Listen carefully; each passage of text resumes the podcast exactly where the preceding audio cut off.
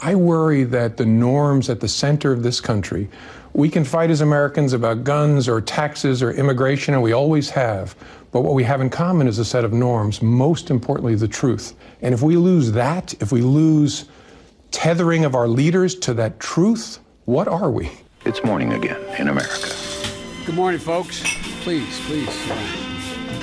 Come on, let's go. Let's go get some coffee. Thank you very much. Det er mandag 16. april, og morgenkaffen fra amerikanskpolitikk.no er servert. James Comeys nye bok 'Higher Loyalty' kom for salg 17.4.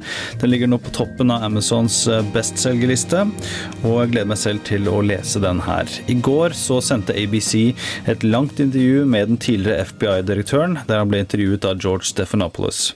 De skal ha snakket sammen rundt fem timer i forrige uke, og de har klippa sammen et intervju som du nå skal høre noen flere utdrag fra.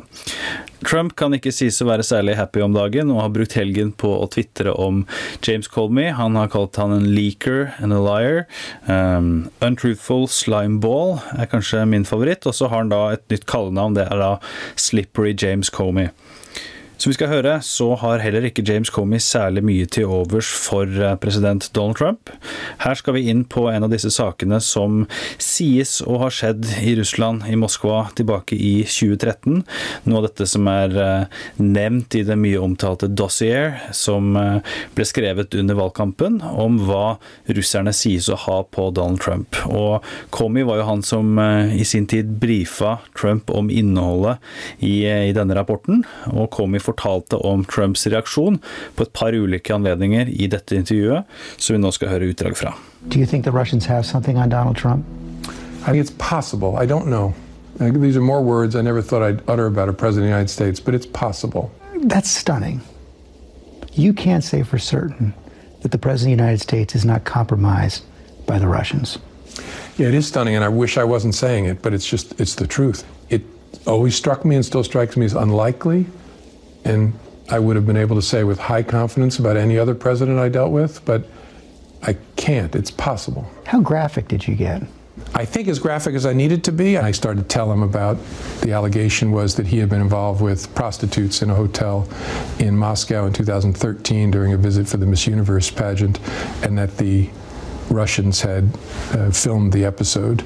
And he interrupted very defensively and started talking about it. You know, do I look like a guy who needs hookers? And I assumed he was asking that rhetorically. I didn't answer that, and then I just moved on and, and explained, sir, I'm not saying that we credit this. I'm not saying we believe it. We just thought it very important that you know. Did you tell him you thought it wasn't true, or you didn't know if it was true or not? I never said I don't believe it because I, I couldn't say one way or another. How weird was that briefing? Really weird. It was almost an out of body experience for me. I was floating above myself, looking down, saying, You're sitting here briefing the incoming president of the United States about prostitutes in Moscow. And then he says, uh, something that distracted me because he said, you know, if there's even a 1% chance my wife thinks that's true, that's terrible. And I, and I remember thinking, how could your wife think there's a 1% chance you were with prostitutes peeing on each other in Moscow? I'm a flawed human being, but there's literally zero chance that my wife would think that was true. So, what kind of marriage to what kind of man does your wife think there's only a 99% chance you didn't do that? And I said to him, Sir, when he started talking about it, I may order you to investigate that. I said, Sir, that's up to you, but you'd want to be careful about that because it might create a narrative that we're investigating you personally.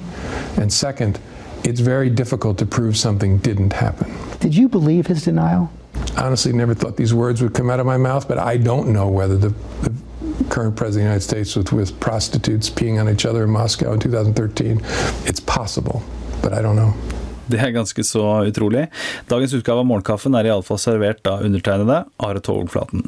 Du leser mer om disse og andre saker på amerikanskpolitikk.no. Gå gjerne til ampol.no kaffetips. Bruk et lite minutt, så kan du bli med i trekningen av en eksklusiv Ampol-kopp som du kan drikke morgenkaffen i.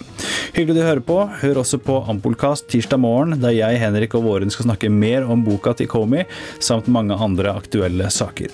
Snakkes i morgen.